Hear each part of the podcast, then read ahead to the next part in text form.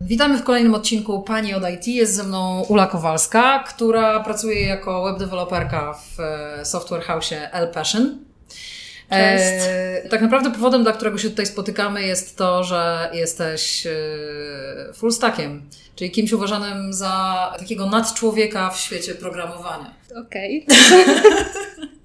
Okay. Dlaczego o tym mówię? Wiesz, bo e, backendowcy, z którymi rozmawiałam bardzo często mówili, że estetyki, która pozwala im e, zająć się frontendem. Do odmiany mm -hmm. frontendowcy mówili, że oni lubią mieć taki wizualny wynik swojej pracy i, i backend jest dla nich trochę za bardzo abstrakcyjny. Oczywiście ja nie mówię, że to jest reguła, bo, bo różni są ludzie i choćby ty jesteś przykładem, że da się to połączyć. Mówię o takich opiniach, które się rzeczywiście powtarzają.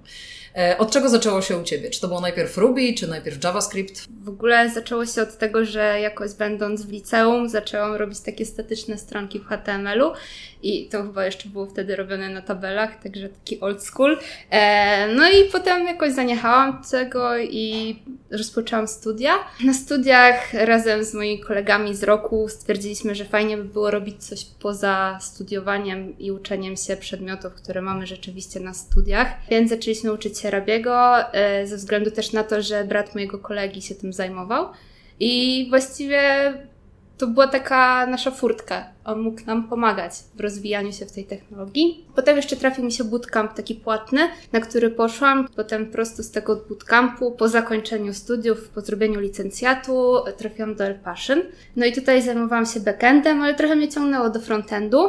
No i jakiś czas temu dostałam szansę, że mogę robić też frontend. I trochę uczyłam się na takim żywym organizmie, czyli na istniejącym pro projekcie. Chłopaki mi pozwalali dłubać się frontendowe rzeczy w Reakcie. No też nie chciałabym mówić, że czuję się na równi dobrze i swobodnie i w backendzie i front we frontendzie, bo jednak taką moją wiodącą technologią jest backend, e, póki co. A frontem zajmuje się tak z doskoku, może powiedzmy. Czyli rozumiem, że czułaś się bezpiecznie robiąc coś, co ktoś już zaczął, bo z tego co wiem, to programiści bardzo lubią zaczynać pewne rzeczy od zera, a nie pracować na cudzych projektach, ale dla Ciebie to była taka szkoła, tak? No właśnie, dla mnie to było, tak jak powiedziałaś, dokładnie szkoła, bo ja jak pracuję we frontendzie, to często zdarza mi się wzorować i dopasowywać do tego, co już jest w kodzie, żeby nie robić swojego stylu, tylko dopasowywać się do tego, co już tam jest więc też korzystam i uczę się, czytając zarówno dokumentację, jak i istniejący już kod, żeby tak sobie wiesz, rozkminiać, e, co robi co. Pół roku temu robiłam taką aplikację dla kobiet, dorosłych kobiet, która się nazywa Fantazy i tam już właściwie robiłam na równi backend i frontend, bo był bardzo ciasny terminarz. To duża odpowiedzialność. Tak.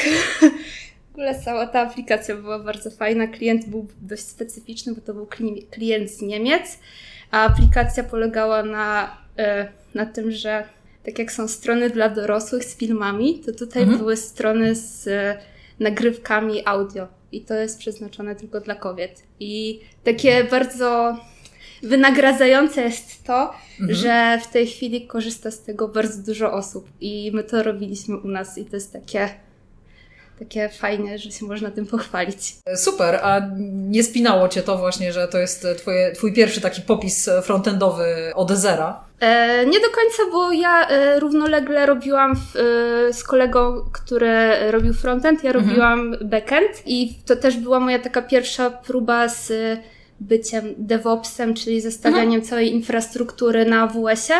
No a potem dołączyłam do niego, już było gotowe, znaczy gotowe, był przygotowany setup i, no i robiłam dalej to, co trzeba było robić po prostu. No i zawsze miałam też oparcie w Maćku, w moim koledze z, z zespołu. Potem dołączył do nas Piotrek, także a jak się pracowało? No bo muszę o to spytać w tej sytuacji, skoro sama o tym wspomniałaś, nad projektem, tak. który jest, mówiąc krótko, erotyczny. Pracowało się zabawnie. Był mm -hmm. to bardzo specyficzny projekt i było strasznie dużo takich śmiesznych sytuacji. Zrozumiałam, to jest coś w rodzaju podcastów, tak? Tak, podcasty mm -hmm. erotyczne dla kobiet mm -hmm. i okay. cały taki, cała taka otoczka tej aplikacji była, że to jest takie bardzo kobiece, dużo gradientów, dużo różowego koloru.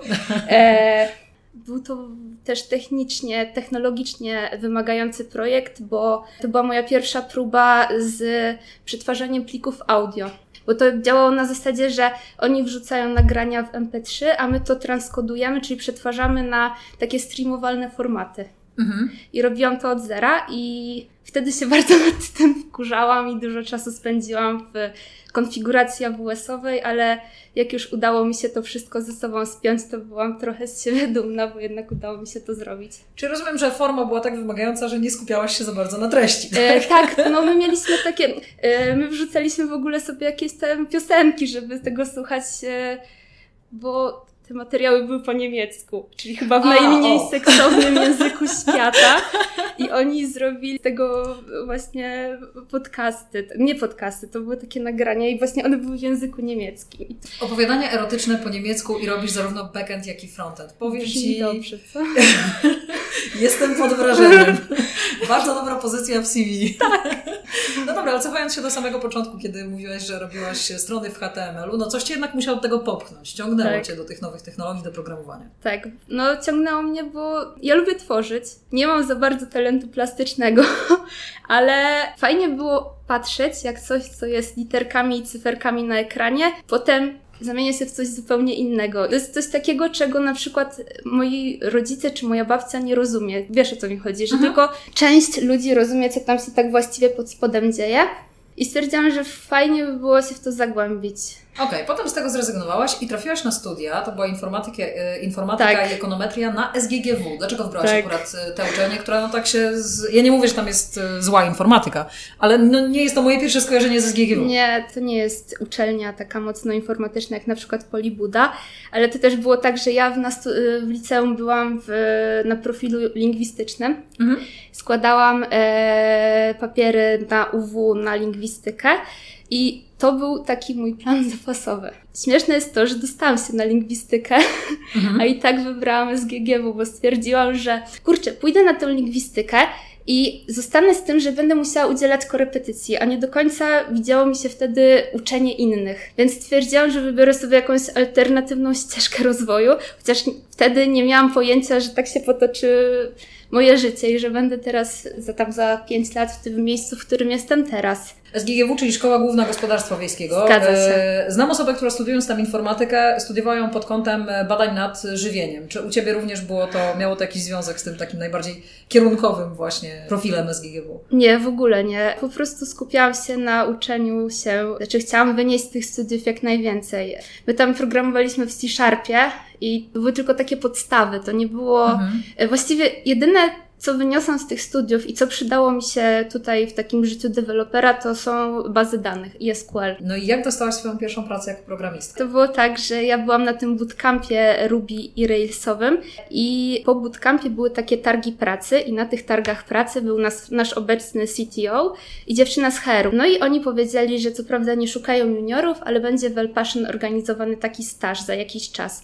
No i ja w międzyczasie szukałam pracy trochę bezskutecznie, no bo wiesz jak to jest, to jest takie trochę zamknięte koło w IT, że ciężko jest się dostać bez doświadczenia, mhm. a też ciężko jest zdobyć doświadczenie nie mając pracy. I właśnie mhm. wyczekałam ten moment, y, że pojawiła się oferta stażu w Elpaszy, no to mówię, kurczę, co mi szkodzi, biorę to. No i tam było do rozwiązania dwa algorytmy, no i odezwali się do mnie, że zapraszamy na dwumiesięczny staż. To był staż płatny. Po dwóch miesiącach zaproponowano mi, w ogóle zaczynało nas 12 osób, a zaproponowano pracę szóstce. Mhm. Trzem dziewczynom i trzem chłopakom. Ja byłam wśród wśród tych szczęśliwców, którzy dostali pracę. To było już trzy lata temu. No i teraz e, pytanie, jakie masz wspomnienia z tego okresu, kiedy byłaś młodą programistką, świeżo po studiach, bo e, słyszałam wiele takich opinii, że no i przyszedłem, czy tam przyszłam po studiach i okazało się, że to wygląda zupełnie inaczej niż mi się wydawało. E, tak, ja nie miałam jakichś założeń, jak to będzie wyglądać. Bardziej podeszłam do tego na zasadzie, jak będzie, tak będzie, ale nie spodziewałam się, że będzie tak luźno i tak przyjaźnie, bo trochę mi się kojarzyło z Corpo El tak jak słyszałam, zanim tutaj przyszłam a wcale tak nie jest. Ja nie miałam wcześniej doświadczenia z rynkiem IT. Mi się raczej firmy IT kojarzyły z takim, no, że jest open space, że jest jakiś kierownik i ktoś stoi nad tobą z batem. U Was jest open space. Jest open Ale bata space. nie widziałam. Bata nie ma, e, nikt nami, nad nami nie stoi i mamy bardzo dużo swobody. O Waszej firmie dowiedziałam się dlatego, że odezwałyście się do mnie w sprawie swojego programu mentoringowego Tak. DARE IT, który nie jest ograniczony do Waszej firmy, ale to od Waszej firmy się zaczęło.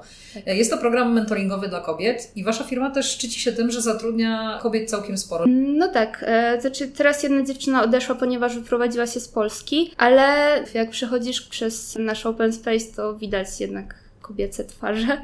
Jak się pracuje w takim mieszanym zespole? Ja mam męskie poczucie humoru i to ułatwia, ale jak się jest kobietą w tym świecie, to na początku może być trochę tak ciężko się zaaklimatyzować, bo jednak to jest taki świat póki co zdominowany przez mężczyzn. No, trzeba wyczuć, trzeba trochę tak pobyć, poobcować i złapać więź z chłopakami. Męskie poczucie humoru, czyli rozumiem, że niemieckie opowiadania erotyczne były czynnikiem integrującym. Przepraszam, że tego wracam, ale to Tak. naprawdę zrobiło na mnie wrażenie. Tak.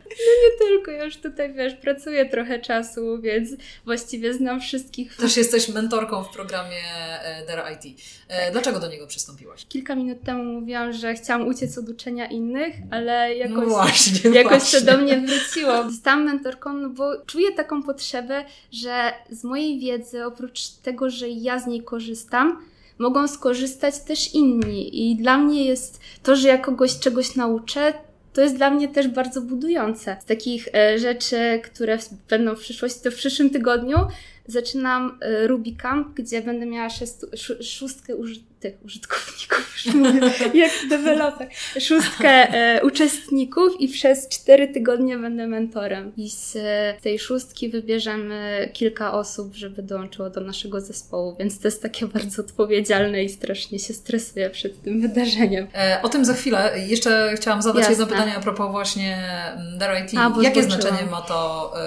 że to są same dziewczyny? Tak jak powiedziałam, to jest męski świat i wydaje mi się, że dziewczyny nie mają śmiałości, żeby cokolwiek zmienić w swoim życiu. I wydaje mi się, że jeżeli ktoś bardziej doświadczony, na kim mogą się wzorować albo na kim polega, mogą polegać, przyjdzie do nich i powie im, możesz to zrobić, albo nawet tak pokaże rzeczy, które może zrobić, to wtedy to działa inaczej niż jakby miała sama siedzieć dziewczyna i się uczyć. Inaczej trochę dziewczyna chyba się dogada z dziewczyną niż z chłopakiem, bo jest tak, że jest jednak taka bariera, jak rozmawiasz z facetem, a z dziewczyną, no to, no to, to jednak dziewczyna ma podobne problemy co ty. E, Masz jedną mentee czy więcej? Jedną. Tak, miałam Martę z e, Krakowa. I jak wspominasz tę współpracę? Bardzo fajnie. Marta, wydaje mi się, że sporo się w trakcie nauczyła. Ona w ogóle była na stażu i została chyba w tej firmie. Wydaje mi się, że fajnie to się ułożyło i że ma pracę teraz jako front-end developer. Czy to jest tak, że to mentorowanie polega tylko na przekazywaniu tej wiedzy merytorycznej? Czy to jest też taki trochę coaching, że tak powiem? Jak byłam w Krakowie się z nią spotkać face to face na jednym spotkaniu, to właściwie przez ponad godzinę siedziałyśmy i gadałyśmy o rzeczach niezwiązanych z programowaniem. No jak jest dziewczyna, która koduje, jest druga dziewczyna, która koduje, to one się lepiej dogadają niż dziewczyna, która nie koduje i ta, która koduje. Bo mamy podobne problemy. Są jakieś typowe problemy koderek? Brak czasu, dużo stresu. To jest stresująca praca. Ja wiem, że panuje taki stereotyp, że wiesz, że, to, że przyjdziesz do pracy, poklikasz trochę w klawiaturę, wychodzisz i masz gdzieś, ale ja mam trochę inne podejście, bo ja... No może nie, ale panuje taki stereotyp, że generalnie w software house'ach są e, piłkarzyki, PlayStation, Tak. dużo prokrastynacji, tak. Tak, dokładnie. No to ja mam trochę inaczej, bo często siedzę po godzinach i jednak biorę pełną odpowiedzialność za swój projekt. Zawsze się staram dawać z siebie wszystko. Wiem, że to jest wyniszczające i dla mnie, i dla moich bliskich. Tak jak ten projekt, o którym już wspominałam. Niesławny, to był ciężki czas dla mnie. Dlaczego niesławny? Myślę, że uszczęśliwiliście wiele Niemek. tak. To y, przejdźmy do tej właśnie ciężkiej pracy, którą programista wykonuje nie tylko w pracy. Czy to rzeczywiście jest tak? Bo też jest taki stereotyp, że programista się cały czas dokształca, przychodzi po pracy i dalej koduje. No może nie codziennie, ale często. Tak jest, no to jest bardzo dynamiczny e, rynek, nazwijmy to rynkiem. E, dużo się zmienia. Może na backendzie nie aż tak dynamicznie jak na froncie. Na froncie jest hype co chwilę na coś nowego i też ciężko, ciężko jest się wstrzelić to, co jest akurat modne i popularne, no bo może się na przykład za pół roku okazać, że będą szukać programistów w jakiejś totalnie egzotycznej technologii, bo bo będzie na nią moda albo zapotrzebowanie. E, I wydaje mi się, że im, e, im bardziej programista jest taki e, wielofunkcyjny, nie chcę tego nazwać wielofunkcyjny, ale taki wszechstronny, wszechstronny mhm. dokładnie, to tym lepiej dla niego i dla ludzi, którzy z nim pracują. No bo na przykład jak ogarniasz backend i frontend, to wiesz, jak pisać backend, żeby frontend miał łatwiej i na odwrót. Mhm. Jak zaprojektować architekturę strony, layout strony, żeby backendowiec miał łatwiej za, zaprojektować do tego API. Okej, okay, a to uczenie innych. Domyślam się, że też e, w momencie, kiedy jesteś taką mentorką, przychodzą do ciebie ludzie na różnym poziomie wiedzy, czasami bardzo początkujący. Tak.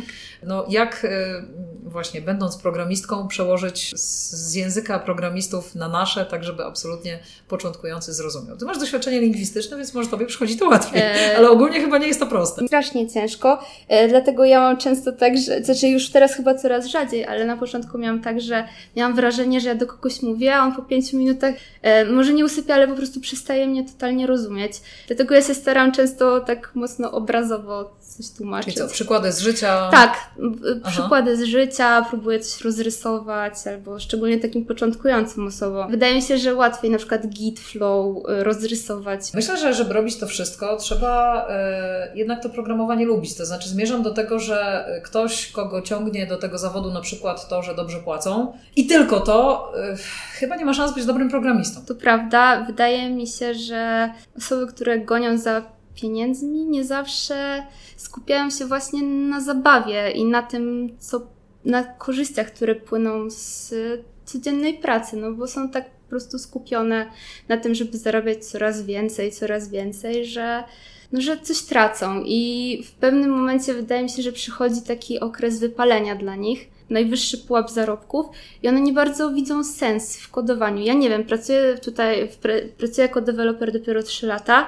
no nie wiem, jakoś ciężko mi jest wyobrazić sobie sytuację, w której kodowanie już mi się tak przeje, że nie będę mogła patrzeć na otwarty edytor. No, tak jak mówisz, jest to praca, w której jest dużo zabawy, powiedziałaś o tym przed chwilą, tak. E, a z drugiej strony jest spory stres. Kiedy jest zabawa, kiedy jest stres? Zabawa jest, jak siedzę z moimi kolegami i wysyłamy sobie memy i po prostu żartujemy z wszystkiego, tak że nas słychać w drugiej części biura. Mhm. I to jest bardzo stresowujące. A stres jest wtedy, kiedy na przykład robiliśmy deploy na produkcję piątek wieczorem i wszystko przestało działać i przez to do godziny pierwszej w nocy w piątek siedzieliśmy jak na szpilkach i na szybko próbowaliśmy coś naprawić.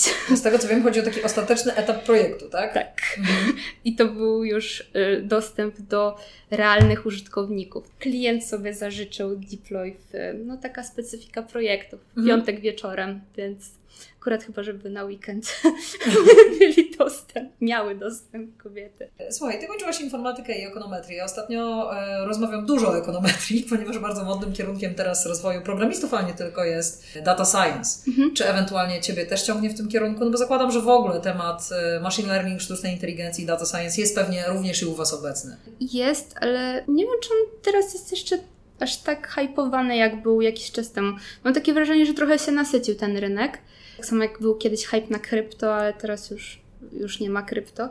Nie wiem, trochę mam taką barierę, że dla mnie to już trzeba być takim totalnym nerdem i takim mózgiem, żeby się w to zagłębić. Uważaj, to samo mówi się o backendach. Wiem właśnie i wydaje mi się, że backend to jest taki średni poziom a bycie, daje, pracowanie w data science to już jest taki najwyższy poziom Ostateczny nerd. Tak, ale nie chcę też oceniać, bo może się mhm. okazać, że na przykład jak zaczęłabym się tego uczyć, to wcale nie okazałoby się to takie straszne. Póki co chcę się skupić na tym, żeby e, wyszkolić się w backendzie i we frontendzie, bo ja też jestem trochę zdania, że że nie ma co łapać zbyt wielu srok za ogony, żeby nauczyć się dwóch lub jednej rzeczy dobrze, a nie pięciu taksę. To kiedy już masz trochę wolnego czasu, w jaki sposób odpoczywasz od programowania? Ostatnio się zapisałam na zajęcia z garncarstwa, które są bardzo odprężające. O, tak. to powiedziałabym staromodne hobby, jak na kogoś, kto siedzi w nowych technologiach. A, właśnie. Ale naprawdę, y, mam zajęcia po dwie godziny i po prostu mi to mija jak jakieś 10 minut. Mhm. Jest bardzo odprężające. I w życiu mnie przypuściła, że coś, że coś tak głupiego może mnie zrelaksować, a jednak tak jest. No to nie jest głupie, no co, przychodzisz do pracy i wychodzi ci aplikacja, idziesz na zajęcia i wychodzi ci garnek. Tak, czy widzisz jednak cały czas ten aspekt tworzenia za mną, chodzi. Masz jakieś e, swoje marzenia zawodowe, plany na przyszłość? Czym jeszcze chciałabyś się zajmować? Chciałabym bardziej frontend umieć jeszcze niż teraz umiem. No i chciałabym być jak najbardziej wszechstronna i trochę też DevOpsowych rzeczy. Ja jak zaczynałam pracę, to bardzo zależało mi na tym, żebym była taka samowystarczalna, żebym mogła zrobić aplikację od początku do końca, więc być może jak już osiągnę taki powiedzmy zadowalający poziom e, z frontendu i z backendu, to zajmę się jakimiś prostymi designami, żeby sobie też apkę zadesignować, bo to też jest fajne. To w takim razie powodzenia w Twoich dalszych projektach. E, moim gościem była Ula Kowalska, webdesignerka z firmy Elpassion. Dziękuję bardzo.